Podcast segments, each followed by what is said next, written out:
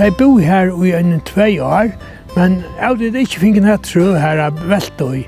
Så tok opp i husen nyer og flyttet ut her.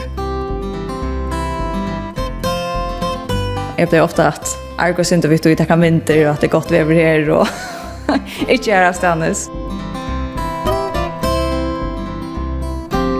Det er hva nummer tid her her? Ja, her er 12 hus, så det er ikke mye det her nummer 444.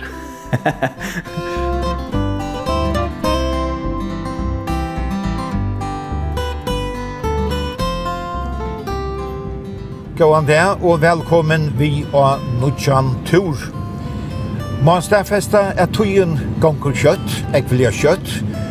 Tøy ta viskar korsjan er vær av fyrsta turen av Hesonslænen. Men uh, vær løyke er det. Hette er vi Tori og Tore nummer 200.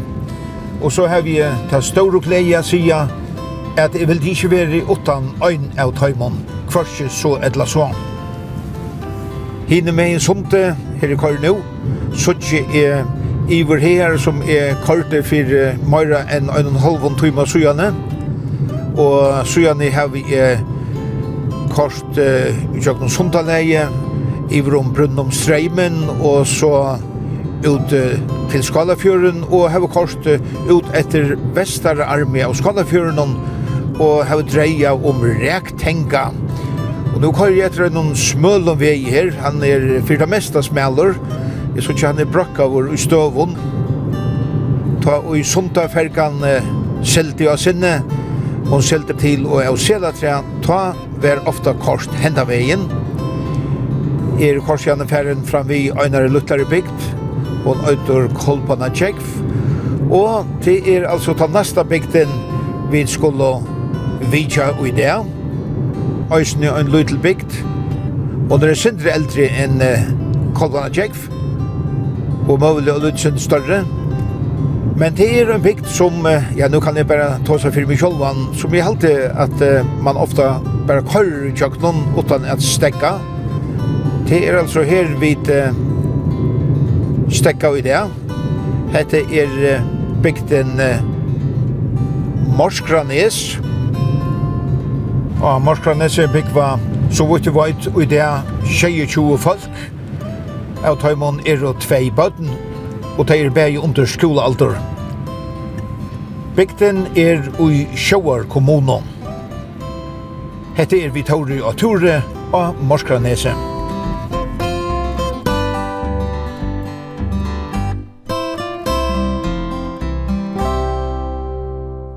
Menning Jakobsen, Morsanes er ein av dem mongonier sette bygden om. Hvordan gammel er Morsanes? Morsanes er omløy fra 1876. Der her var vist omkastan i akkurat stedfest når det byrja, men her løy 86 og 76. Og det var fyra mann som byrja av å bygge her, men det femte huset kom nok så kjøtt.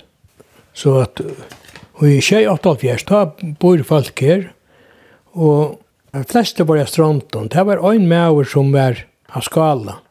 Han het Peter Ludvig Antonisen, og konan seg var stronten Inga Maria.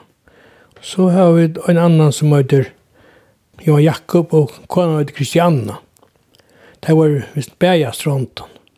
Og Rasmus og Sundova, det var øyste bæja de hadde Jakobsen lettene. Det var Bodjar, Rasmus og Johan Jakob. Og så kom Samuel Johan, han kom Øystein og kon hans er var svin, Anna Katrina. Og så var det Johan Karl Johansen, han var Øystein og kon hans her var Bittla, Håra Tofton. Så det var fem huskje som kom til bygdene. Ja, nye sitter bygd, det, Det vil si at det er ikke her i høy til bygdene. Da kom jeg nord her, da fikk jeg treier av veltøy, så da kunne breiføve seg, og så inn i og.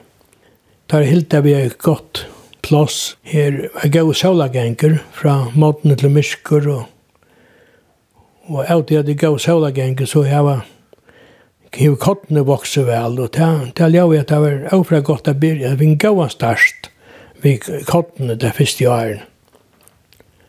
Og så driv der om du var velta, og det var kjøtt at det høyde. Høyde en kik. En av dem, Njava Jakob, han var, han var røktiga med i Norge, så at han røkta i heian tja, bøtjan i Norge, så han har tatt gåan hoat. Han bosett i Norge, og sikkert var bøntren vi glede for tog at onke for å bosett seg, så var huset kom inn i, da det kom Norge her fjall og sånt. Så.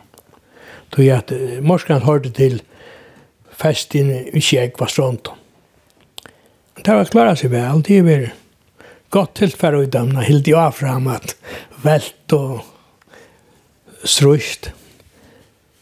Det var lenge vi var ikke lukket til strenter til at hun ikke var ved sambandet, så det var et, et øyelig knoss.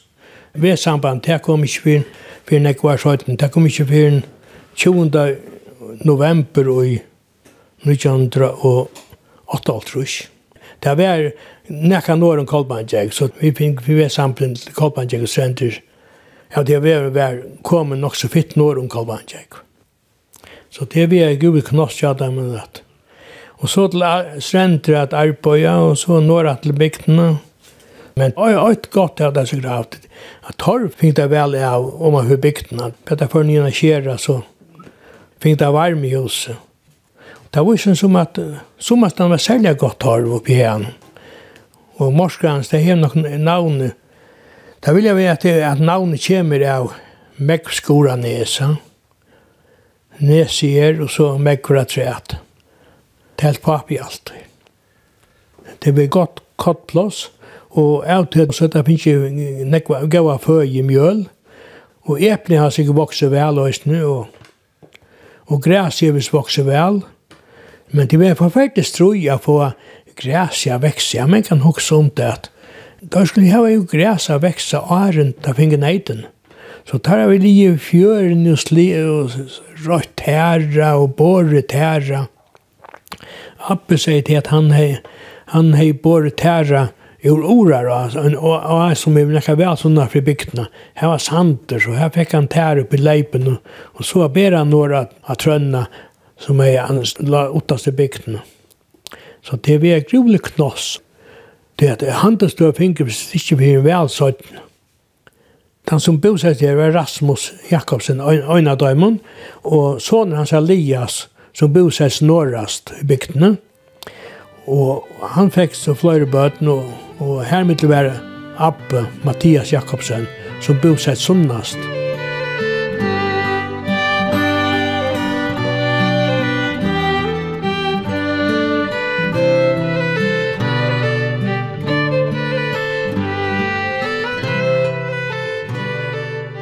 Sonja Jakobsen, du er atta ur vaje. Hvor spør det til at du bo av Morskranes i iver halvtons år? Jeg spør meg hvor spør til at jeg bygger Morskranes? Hette det første heime jeg fikk, og hette lov jeg var. Vi bor halv fjord av badna. Syster min er bor av noen. det var eldre ble skilt. Vi kommer å kjennast. Vi får jo trus, jeg var bare 15 år gammel, han var 18. Og vi gifte som i 6 år så vi har livet lengt liv sammen. Det sier alltid til han kommer ensam, alltid, hva er sånn, ja? Det er vi er alltid sammen. Ja, men det er bare så. Ja, jeg har nekva takk, det er helt sikkert. Men Sonja, Jeg skiljer lennom at nå er du i Tustov at uh, tverfer om vikene er du nødt til å fære til havnar. Ja, det er vel. Jeg ble mye heis i sjukke av som jeg kunne takke meg. Men jeg skal nok om jeg til oss. Og jeg er til lys og tverfer om vikene, mat og høste. Sent hjemme etter kveld. Det er sen prøyla, ja.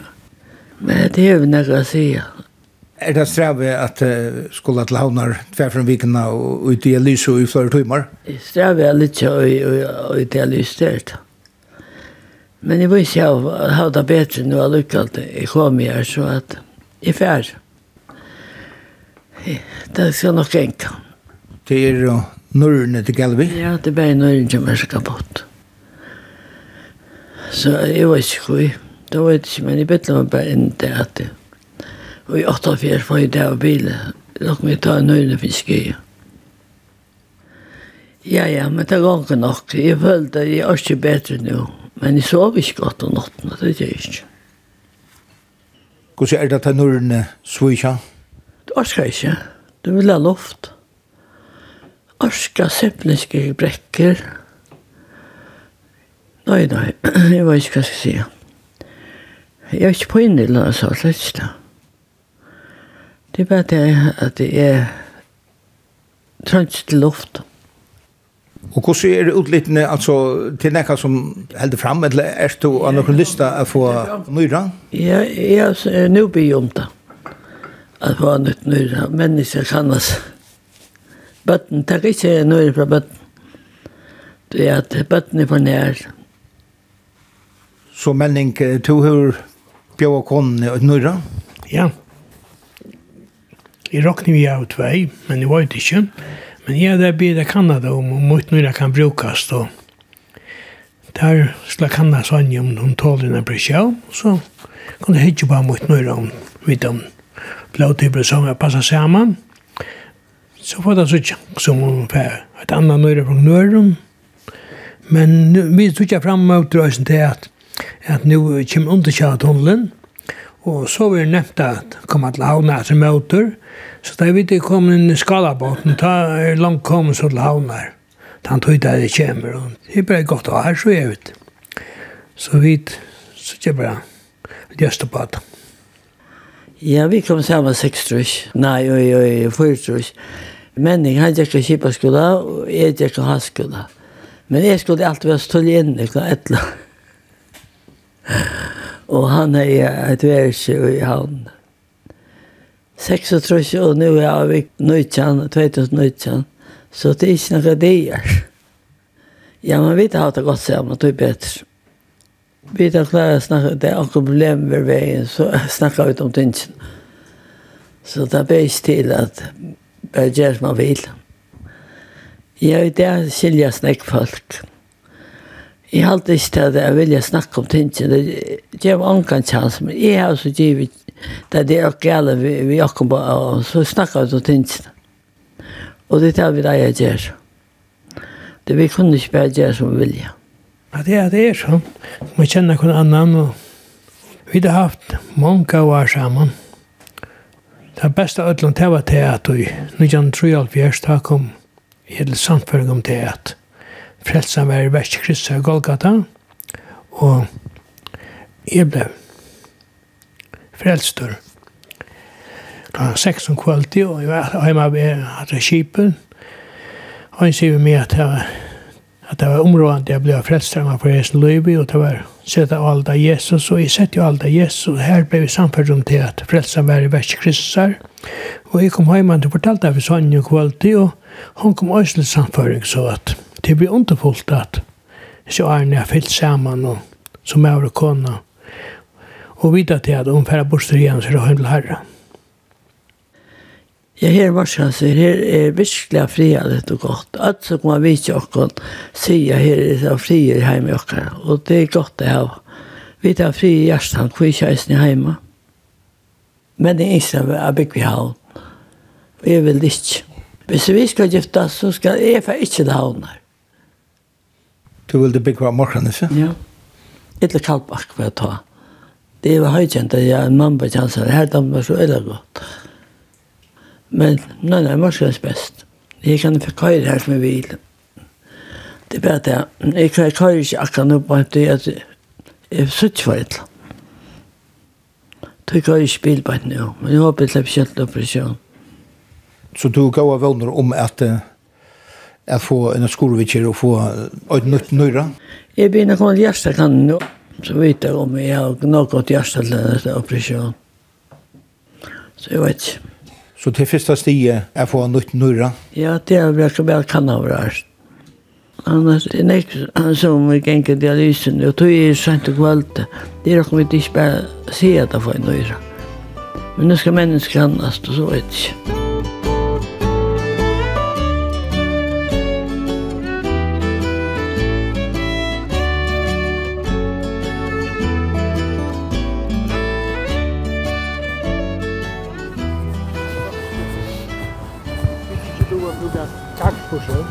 Ja. Nu er vi statter nere i fjørne, Miskajus og i bygtene her av Morkranese, og ja, her er et nest, eller grunden til et nest, og så er et større hus som er steg her, og Menning Jakobsen, hette vi vært et fiskehus? Ja, det her var et fiskehus, og, og her tar med en mære som heter Ole, Ole Petersen, han, han handsmæver, han kjøpte fisk og salte han inn i her. Så det var tid å komme land i her og, og selge fisk til mannen, og, og så ble han virkaver her. Flakter og saltaver. Så det har vært fiskarbeid ja. her av Morkaneset? Ja, ja. Akkurat tog det har vært, hvor lenge tog det var det ikke, men Abbemoen som var født i 1892, han var vaksen da vi fisker var virkaver her. Han myntes det vel, og han, til dreis fortalte jeg for meg at en dag hei han og og annars med Samal, det hadde vært et neiten hun som var lov lenka nord i bygdene og mittlen sida til Morskans. Det er kallet inn og kvalitet. Og da jeg kom ut mot bygdene, da møtte Aula som er vært ute i hukta etter fisken og jasar. Så det er vært om 1920. Som jeg forstod Abba, så kjøpte jeg seg med Aula fisken, og så ble han flakter og salt av det. Oli hei vi ståra handel og sida sida, bæg fra Kotlafjøri og fra Høsvøk, som kom nå til sida sida kjeipa, så det har sikkert selt fisk nere av oss. Men det var ikke så ikke. Og i det hei du ikke sett et fiskehus Nei. som skulle teka mot fisk og heita steg, altså her er og sitter høgt nyer, og, men så er det hettle her nere, her har det kommet sjåan det kom inn i møte, ja. Jeg tror at det blir arabater, og så der vi är att komma nej det är her är inte gav omsorg etter nu men tar jeg var tidsal tacka vi tog som mødøyden var men jeg har ikke funnet på idé å sette fiskehus här nere backan och tunkta på fiskenian och hur han vi avskipa av det. han må var bort om av fjøren og så fart som bare motorbåt Hvordan han så färd til imkir omstör här vi rundt om i förja men där bo vi här ankra dem där var nek i Island til lands i Island kallet det og her var det ikke alltid så vane vi så gav omstör så der tok vi tacka vi tog som vi er, og, og særlig har vært til å slippe av fisken har vi vært klär för ju om det var ikke strutje og strave, så det tids takkar vi til å lukka vel. Det er sint avkjørst i sjøvna kan nu, men her synes jeg denne tæra Han han hej ikke finnes fria li her, lunge. Første tøyene i bygden var, det hadde vi skjøter etter han bor han nian og, og finnes lagt han nir og i, i bøyen for å få græs jeg veksa. Det har blivit hver tæra tonkel, hver tæra blivit dridlig så det har brukt en lutsja a skjera tæra leisan vi for å få græs växa veksa.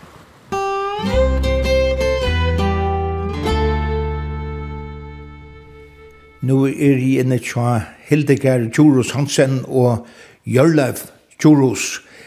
De bygger her av Selatrier vei nummer 444.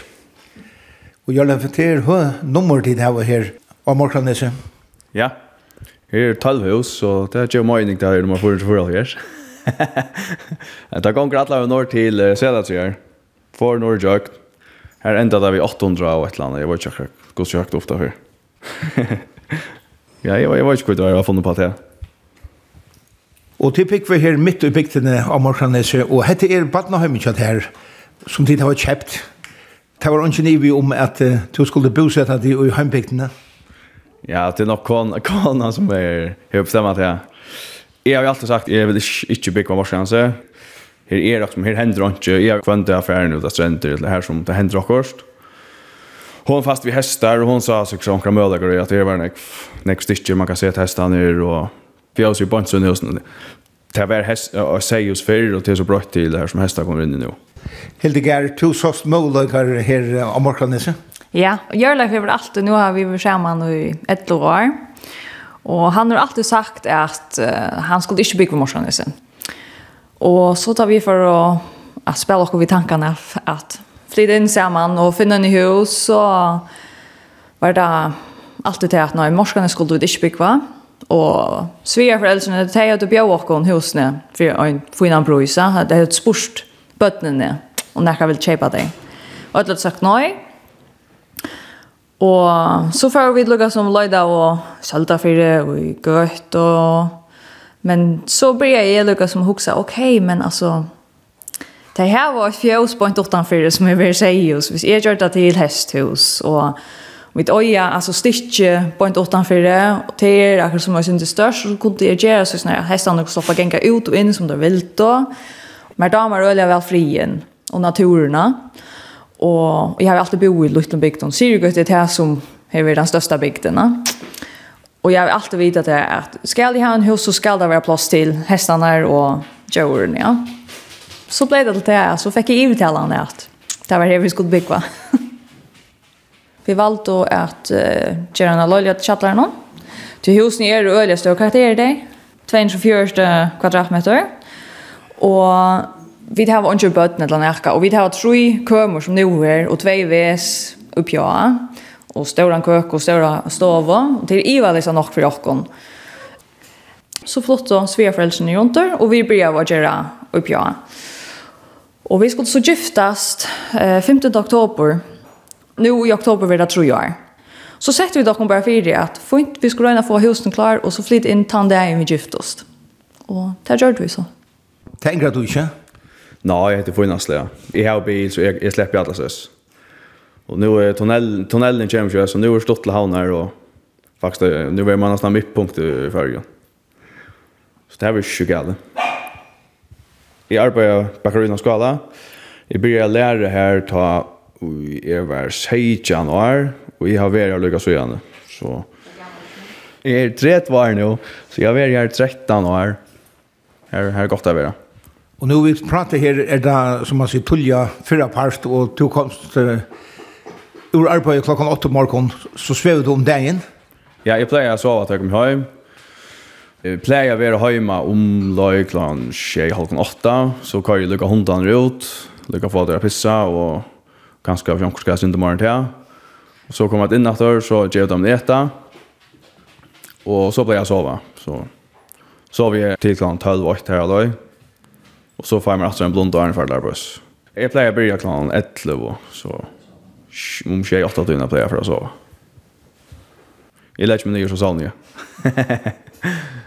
Jeg er velnøkt, og, og helst nå også ta ondkjøtt om den kommer. Jeg arbeider ikke bergast og Naren, så det var jeg til lunsj å køre til havner kvendt det, og helst som vet den. Men, men nå, altså, nå kommer jo ondkjøtt om den, så er det midtpunktet mest som, så at ta vi det ordentlig litt. men jeg har alltid damer vel at uh, bo ut i bygd, og hver det er fria litt, og att potlas vid jorden det är akkurat det så och nu är vi så finns ju störst det är jordansning av morskarna så och det är så mycket arbete nu så vi tar nog av jorden runt om morgon Er det så tatt med mellan husene til livet, man kan si, ute i naturen ja helt sikkert. Nå er det også, nu sier det hvis man kører och i kottlafer og hygger i vår så ser man tydelig hver okker hus er till at det er jo nøkker hus, uh, vinstrumena, og så er det godt lopp, og så er det okkara, og okkara ligger rettelig høyt i måneden med alle tiden husene, så det ser ut som et sånt konkehus, da man, da man kommer kvarandre fra Kotla for det, ja. er det øyelig fria litt. Det har sett i større priser på, og her er øyelig vever godt.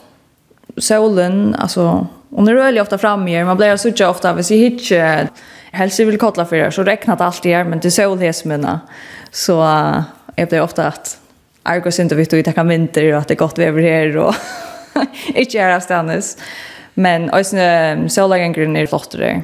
Solen försvant ner år och öliga flotta sådär och det är ju snäcka bilar helt då. Men så sjön om sommaren är syndemora trafikera för fevor. Ta är det ölen jag ser det är autocampar och campingvagnar och bilar som köra. Det kommer inte till Morskranes men det är för att se det är ölen turister som kommer hända vägen. Man blir alltid hållsa, det är öliga blod och hitcha ölet om man kommer gängande vid, vid nekvon hundon eller kommer rojande. och är det vi vid, vid då. Helt sikkert. Alltså, helst hektar år har vi lagt öliga nekmärskilda. Alltså, vanligt till det är så snär att jag vill inte vi hund någon så är det ordentligt helt ju som möter ögon bilen.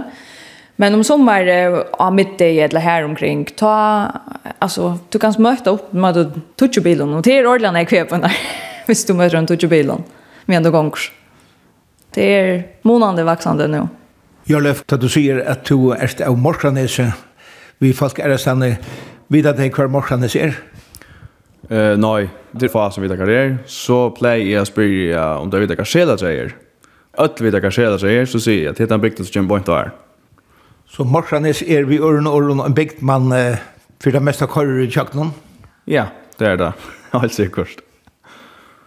Det är ju görlök om samman först för när. Ta säger han han bor i Stronton. Ta är så först för när skulle färd till han att möta svärföräldrar som kommer. Så kör man karan till stränder och så får bo i stränder. Så vad färs du? alltså vi får höj. Ja, men du bor så stronton. Ha? Nej, jag bygger morskanes. Så det här var akkurat som... Så där börjar jag sitta stortlig på tandvatan. Nej, det där ser man man ska fortälja vad jag för. Så ser det, vad är det? Så det jag, vart kvar ser det är, så ser man att det ser om att så så next nämmer bara säga. Jag bygger stronton. Ah, okej. Okay. Så vidare på den här. Det var så rätt stortligt. Så ringde jag till mamma mina och säger vi henne att och först du vet han bor sig inte av Stronton, han bor i Morskanes. så, så det var nog så stortligt. Och det var det som en icebreaker som man så kom här på när. Gosse vantar du att det för att märka sig av Morskanes att Östra tunneln letar upp? Jag råknar inte vid att jag var bröjt en ekvera Morskanes. Men jag råknar ju att jag ser att här kommer att det är några märka där ta ver kan man få förvärra en 20 minutter fra Sela så til med på inne Lockshort her alloy. Nu teker det i utrush så det er jo nok størst at jeg på i havn. Her skal jeg kanskje bare trutja millioner til morgen ja. Og kanskje få en ekk bøyler her. Her stand, jeg har alltid stand en ekk hus til omøysene, sier det seg. Vantar du at uh, morgenen er fyrir vekshøysene? Jeg råkner ikke vitt, nei. Nei, jeg stod ikke kjørt for meg at jeg nekker som for at bosettet skjer. Hvor? Det var ikke, det er ganske sår som man bare kvar for å bo i. Det er for det ganske stedet jeg kan være. Men slett det, er godt å være. Det er døylig fria litt. Døylig fria litt. Hvis man er til naturen og, og til frien, så er det her en døylig bygd. Nu har vi to kjøreansning her om morgenen, så for fyrt og kanskje tæra merkja at uh, de være så nær hovedstaden I rocken vi er synder, helst at det kommer til Rossene, så er det jo rælig at hatt på Havnadel. Og kunne du forstilt meg at ganske mye Ross kommer henda vi inn ta. Men vi hunden, kanskje man færre lyd om Moira kundar, vet du, men som nu er, er det de flesta hundarna kommer faktisk från Torshavn og, og Vi tar att det service att vi köra alltså hanta och elver hunden och det ger så det att det är glattare tror jag att det är näck folk fra havnen i av som ikke hatt seg å komme hende av veien. Det er jo en øyne smale vever og en uh, hoppete vever, og så er jo seier av vennene, og her er jo, så det er myrske vever om det er i myrske eller ta om kvalitet. ja. Så at uh, det er faktisk øyne jeg som bruker det at vi kommer hente hunden og elveren natter. Etla vi møttes i skalabåtene. Jeg har vi også nu, hver anker til ringt til morgen og sier, ja, nå er det jeg ved i hunden og ja, det er kom til Saxon, og, og det er dårlig å finne hva det er. Det er halda det tannveien, og, og så er det nek som halda det er, ta i snakke vidt i telefonen i åren, at ja, Morskanes, jo, det er han da veien til Funnings tannveien, så det er øyelig nek som slags vidt hva Morskanes er. Morskanes er.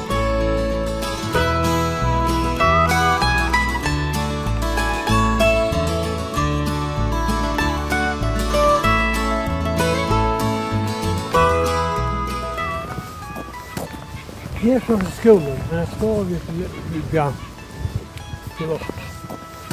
Det her var så skolen, min ikke skola. Heter det nu sett hus? Ja. Her bor jeg med Jørgen Djurhus, han var ur Fråpa. Og kona var ur Vestene og Søyne av, og var morsans, Jonna. Menning Jakobsen, så skulle hun være i Nekvar uh, av Morklandnese? Ja, først, uh, han var ur Jasens tusen, største hus til Hans Antoninsen og, og Sonovan. Og så får han norrur husen tja pappa, Sikvald Jakobsen og mamma min at Mary, kallas Maja.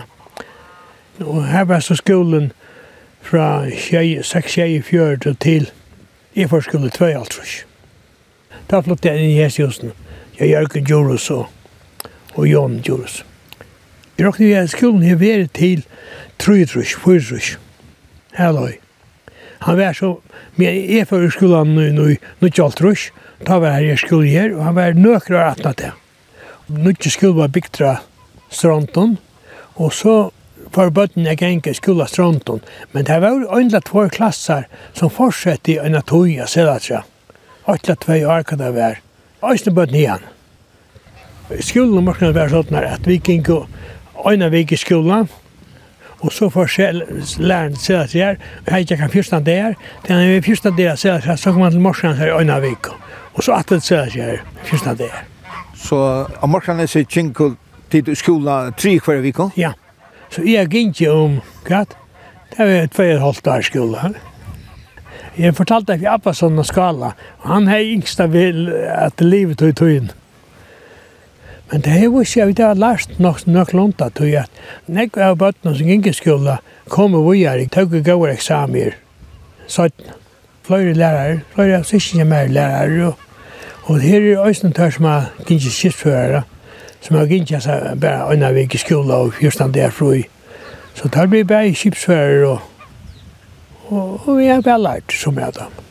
Jeg har også til at det ikke kan jeg si hva som er bøttene var. Det er mer å si at man blir vaksen at man får tantja mer og legge seg mer etter det. Hvis man får grunda lære, begynner vi råkning og skriving og lesing.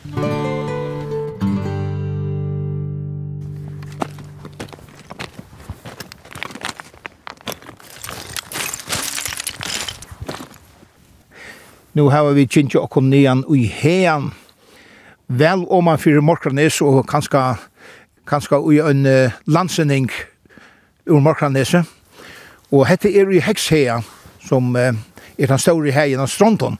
Og Sverre Kass, to eh, er det seia med over her i heien, men det som jeg har i hoa at ta så synder om til er, eh, jeg minnes, jeg var en gangetur, og for hos eh, bilsen i verden har jeg kom og jeg hadde lente her, vi tar skrahettel og nian for okken her, og så alt det økje rundt om her, det er ekvelig særligt, jeg vet ikke hvordan vi kommer å løse det, det er et størst økje vi er sånn her tunne, jeg vet ikke, skifer halte man råpa da. Særligt gråt, og et ekvelia særligt lente. Sverre, hvordan kan du lyse dette lente midt i hegenen? Ja, det er alltid vært særligt å komme her, her til. Men Jeg mener vi er ved skolaflokken oppe i Vostheimon, og som yngre så pladde vi døysen, ja, Færen er egentlig det knusta græut her og, og skriva av navnet og vent og vente.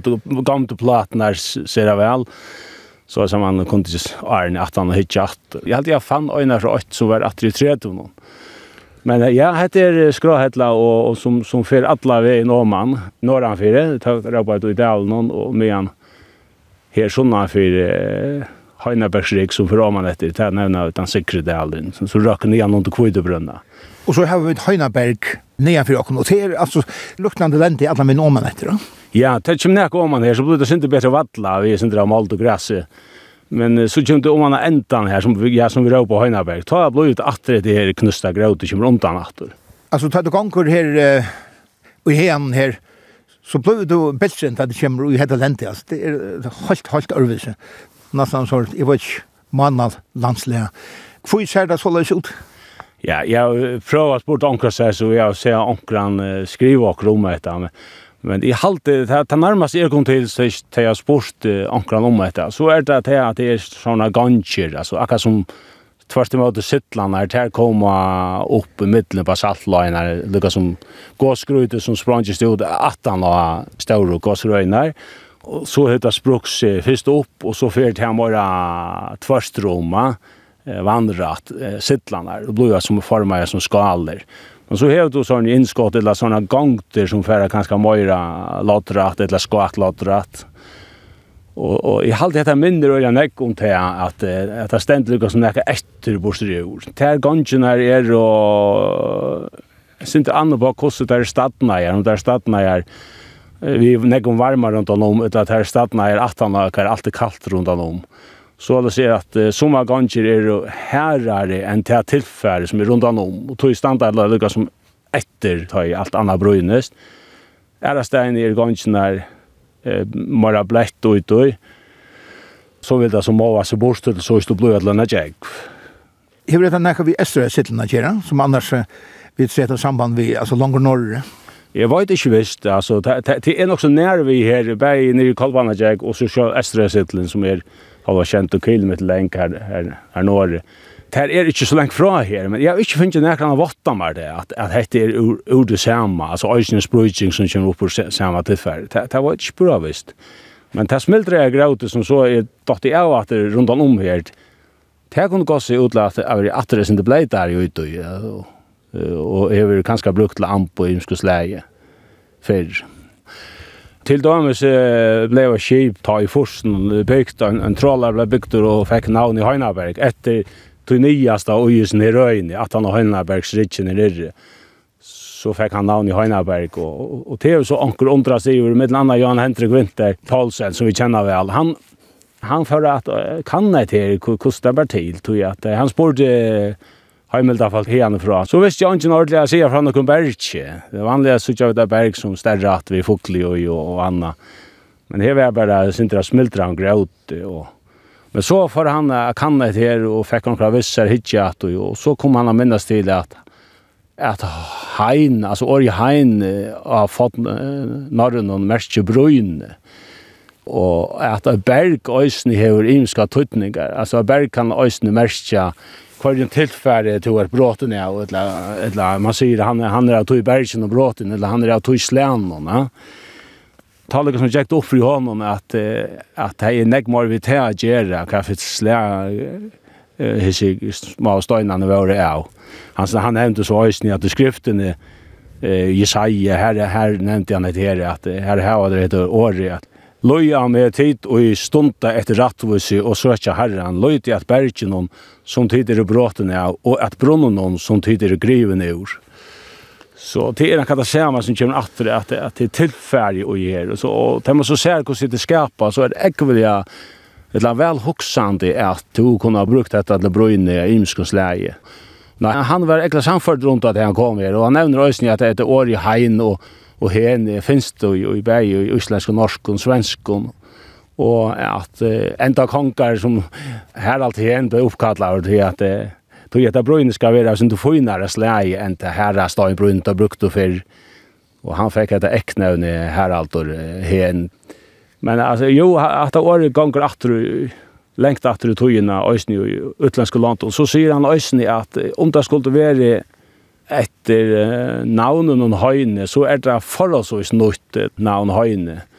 Til jo, jo, høyne har ikke kommet kanskje nækka lengt etter i tøyene, men til han vet han ekkelig løy til sannløkt at det kom fra hånden.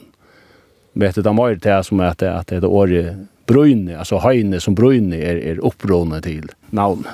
Og tar som Låt då båten bitcha trollaren bitcha samma vi strand när kun örn kon tar tar nämnt då trollaren Heinaberg och jag sportar kvoj men jag vet att han han familjen tror jag inne när tar jag alltid haft någon sägen kan det här alloin det var ett Annars har Martin Heinsen Jarfringer onkel nämnt att heter sleja och gångton här kan vara en uturger som som kommer från Östra Sidle. Alltså det är uturgerer som kommer sur efter hända i Beijer, längre ner och så östen gott kan vara årsøk til hesa gansjene nyan henta vei. Så hette er et spennende lente. Avgjørst, og jeg ser det vekkert også når jeg om det når jeg går vekkere, og Og æsne om vi færa langur og åman her og sutja fram vi heien og sår etter, så har vi alt til at jeg ser det vekkert utsyn her heien fra. Sjåvande, nu vidar vi at fyrra vinnan økjus, det har vi negv om, og det kom til å være frøstande som negvunna finnes der okkur vi heian til tun og anna, men nu är du en av många som är där och sån här. har du också näka om tandvantan? Nei, det var det, nu kan ikke sånn ikke hen, at det er raraste hending at det møter gjennom folk men så enn er det ikke større vant, men som, som menneskene er blevet i det, så, så kommer vi inn tattare, tattare på, og, og, og som du sier, færre folk vinnan, hon og ikke, så det kunne godt hensi at, at, at man skulle kanskje hukse syndromet av det, Kjalt, kjalt mer nek til, men det kan så kjøtt på hver avdrift av sån sånn. Det er ikke også det at ja, man ska få tankt om detta som är rymliga särskilt och til Att Det är nog så lengt øst i. Ja, det tror ikke jeg vet akkurat om, jo jo, det är några hundra meter om man etter her, sånn som heter grøt i her.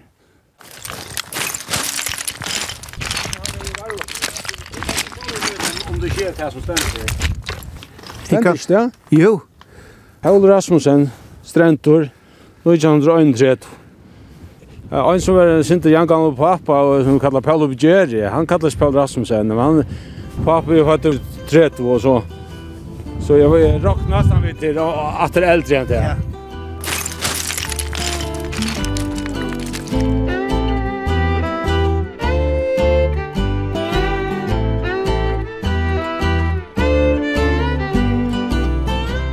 Menning Jakobsen. Nu standa vi vid hei nast sunnast og husene her av Morskanese. Og heter en cool hus, nok så ser mer standa tatt i veien, kan man sija.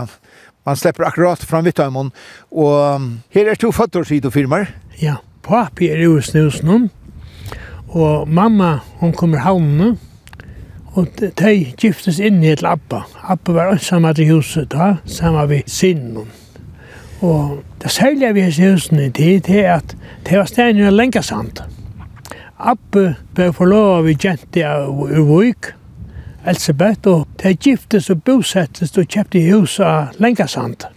Det var temmelig nytt hus da, og de bo her i en tvei år, men av det ikke finnes her tro her av Veltøy, så tog Abbe husen nyer og flyttet ut her, og sette oss av grunnene. Disse grunnene er noe særlig døysene.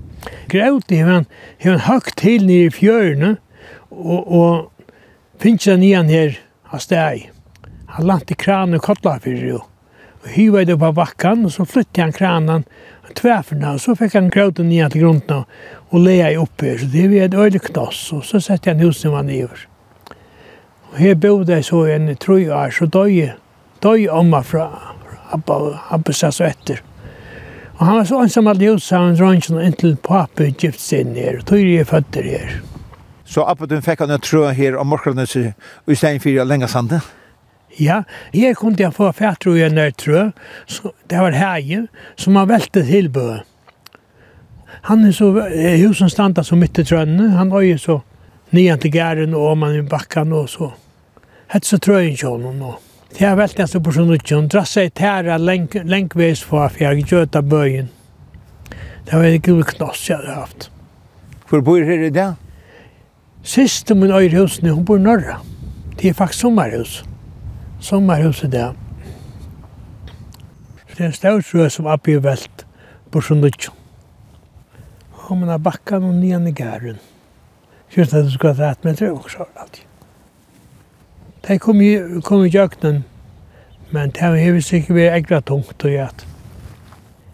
De fikk fem dronjer, men det eldste, han var ikke mye skje i hørt, og mammaen døg. Så for två dronjer kom til Vikar, og, og han er trutjar etter selv.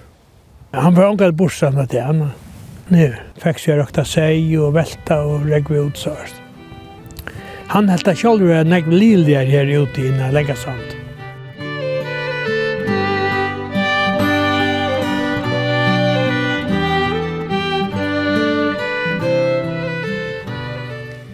Hette er Selatrier vevor 405 fors. Høtøl er av Morkranese. Og her var Lissi og Gerhard Zakariasen. Han er hattarvøysingur og hon er hene av Morkranese. Og en fyra av sykkenen kjå henne hava meka ur, ur fuklene.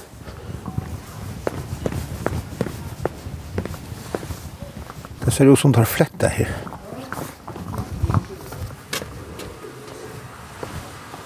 Kom det. Kom det inn der. Her kom det fyr sen. Ja, ja, ja. Ja? Ja. Ja, ja, ja. Har det bort det? Gå seg ur? Ja. Og det er det du sier. Står? Hvordan var 60 kroner? Han har ikke 50 kroner. Alltså färre fiskar. Vad kan ni göra Gerard Zakariasen, du fikk der kono hene av Morkranes, og det var ikke nivi om at det ble Morkranes og ikke Hattarvig. Hattarvig, det var det, man, man fyrir ikke 16 år. Og man har ikke vært i Hattarvig siden man var 16 år er til sannet nåter. Jeg fyrir først på Poli, og så sa vi gamla sikeferd. Og så kom Pesan, og jeg tror ikke, vi minns det i 21. januar og i øyne tror ikke. For det var fisk, Og så ble det færre inn i Holland. Og isfisk, jeg tror det var tvare gansk. Så ble man blek av oppångstand til det var nøyre, til man for nøyre. Så det var lov. Ta det ble usfiska turer, så var tøyen og stått der for utlatterbygger? Det var ikke samme samband som det. Og vi kjønns det var landet og baten bare for til Aberdeen. Så kom man råkna med slapp svea. Og det var en rymlig gode chanser.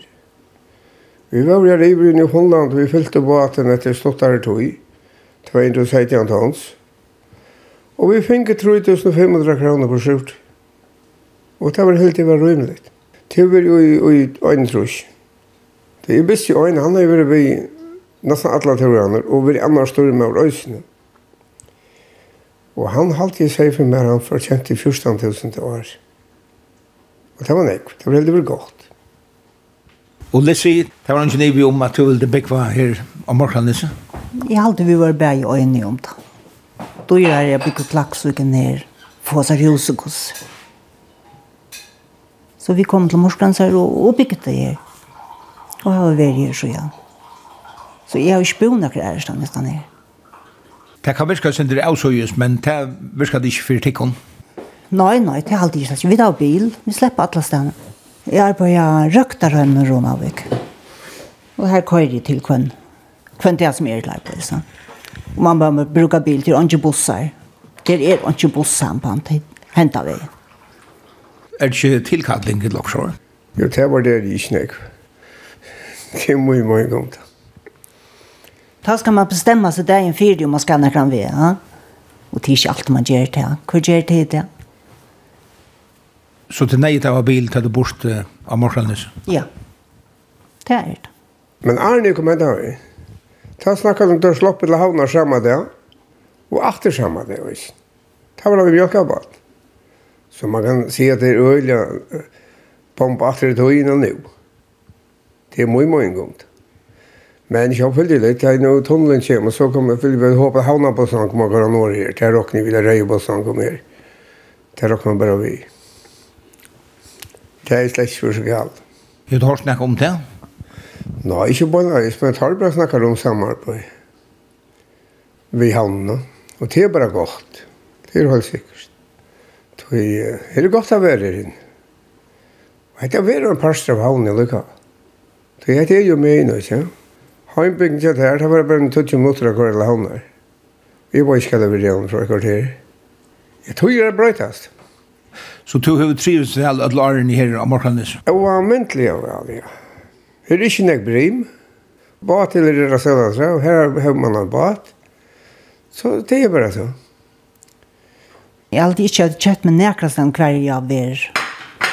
Her har vi, vi tar nekra feir seg, det har man luttla trø, og så har vi nekra få donner og nekra høner. Og så fer, fer tøyen vi tøyen. Og så var binta og så var nekka. Og da man er i hus så har man alltid nok. Bare ut og inn. Er det litt vakstra hus du har her nere? Det skulle det være. Vi hadde jeg pikka litt, og det var og igjen i øden. Det er nøkker år siden, det var og så bygde jeg noe. Gere bygde jeg så litt i hus, men bøttene bruker til å spille. Så det er ikke brukt til vakstra hus. Men det er kommer sikkert da. Vi har planer. Vi er sikkert vaksne hos øysene og innenfor. Ja, ja, vi er lyd i åndsamhetler. Bøttene kommer, og ommebøttene, og lenge ombøttene. De kommer en dag. Grovelig ofte. Morgen kan vi vite at de, vite at de også. Jeg bygger i havn og klaksvik og ævevik. Ja, ja og Lissi, tid er å, eller våre, tog jo sykken, og jeg skiljer at uh, ikke minne fyra av det kan uh, finner seg merka ur fokle spørte til? Ja, det var ikke ikke hvordan det ble til. Emma var, var nok den første. Og så var vi ferna vidtja, og så... Og Selmar, han får ut og være lærer er det ut gjennom tog. Så det er et godt match mellom Morkranes og Fogløy? Det skulle det være. Vi er ikke nekvar ut, det kan man ikke si, men det er døylt å komme ut. Selma gjør en sommer hos teg av Vidland, ångtøy. Og vi er ut. Ordentlig og. Jo, jo. Då är man uh, känner komplett. Och så alltså så så man blir med då när det synd går så här. Och så man det är inte blir det är Men åt det veck och det får kul. Han är inte till. Och man ser det väl av SVT och alla såna här det är inte grönt som det var förr. Så det var snägg lunt som åtta år i Pyrhusen. Mm. Og landbyen, det er slett ikke sunt av visen. Det var en svart ring rundt om alle tommeltøyen. Og vi finner nekvann foklinja sløtten til tåkavar. Og så lundarbeisen er ikke gløyma. Og man tjøkken anna? Og man tjøkken anna, og man tjøkken bøyen at det sånn. Det var nekvann lundarbeis. Vi kortar så en leip. Og så morgen etter så får vi slippe som en flå. Så Samma hur länge jag får. Så hon började göra sig ut igen. Och ta sig all om till alla i backen. Alla ställen. Och så sa han, nej, ta fingrarna kan få klöjsen upp i jorden. Lissi, vantar du att Marskallnes för att växa att du tar och undersöker tunneln lättar upp? Möjliga, visst det får lov via bytja. Man har bytja lov, visst. Och inte de köpa gåmelhus. Mm. Her skulle folk være ui oss nu som er nu. Va? Skal nytt folk og morfolk som man bygger lov. Få det ikke da? Jeg vet ikke, han kjør utstyrkja. Men han høyrer han ikke om det. Men møvlig at man får komme. Til bare søker om bygger lov. Og vant du at uh, folk som er hyane har hva kom atter? et langt grannar? Kanskje grannar. Det kan også være onker som er tilknytt. Onker som er bor i havn har kjøpt huset.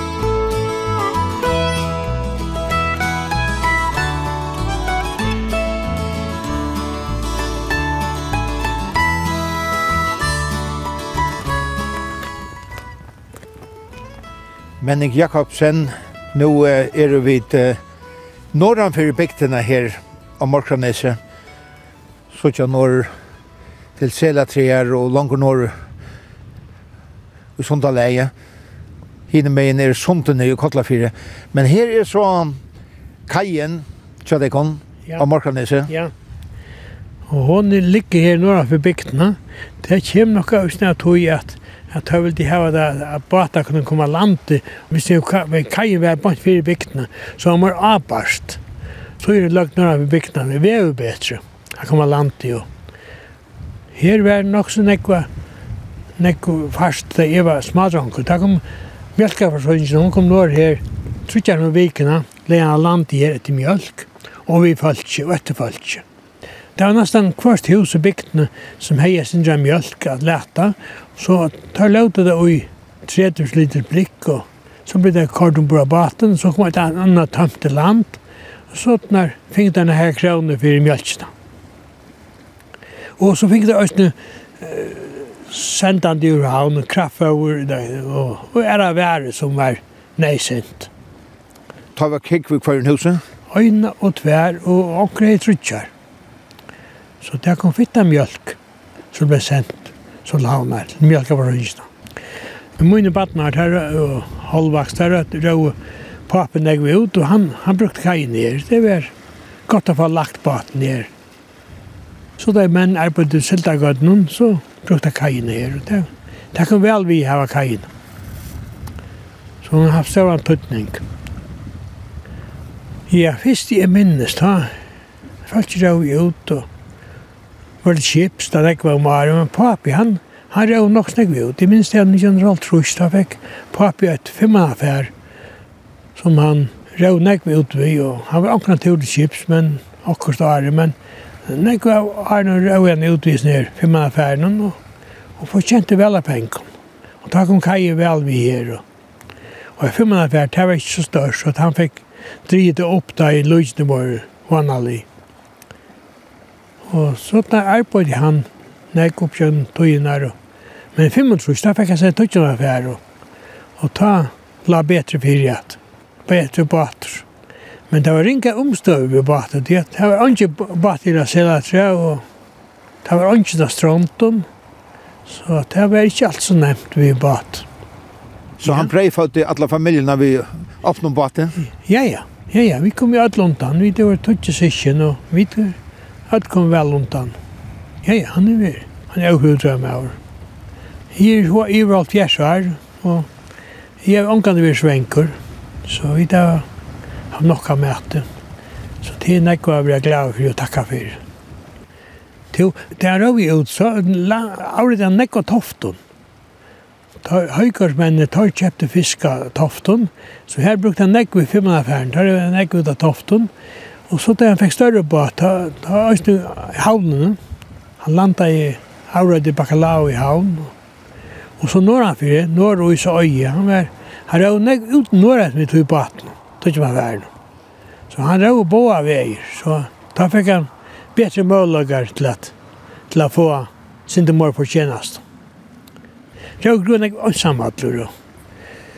Det blev enkelt i köken. Jeg kan, jeg kan minnes at mamma blev hjelp på nekne i köken. Så får han til å till utröret här. Där var kommet. Så jag grunnar inte uten dagen. Där fyrir tøyna. Han brukte ikke nottene. Det var ikke mye han fikk tog meg ferd. Da får han nekk om kvöld.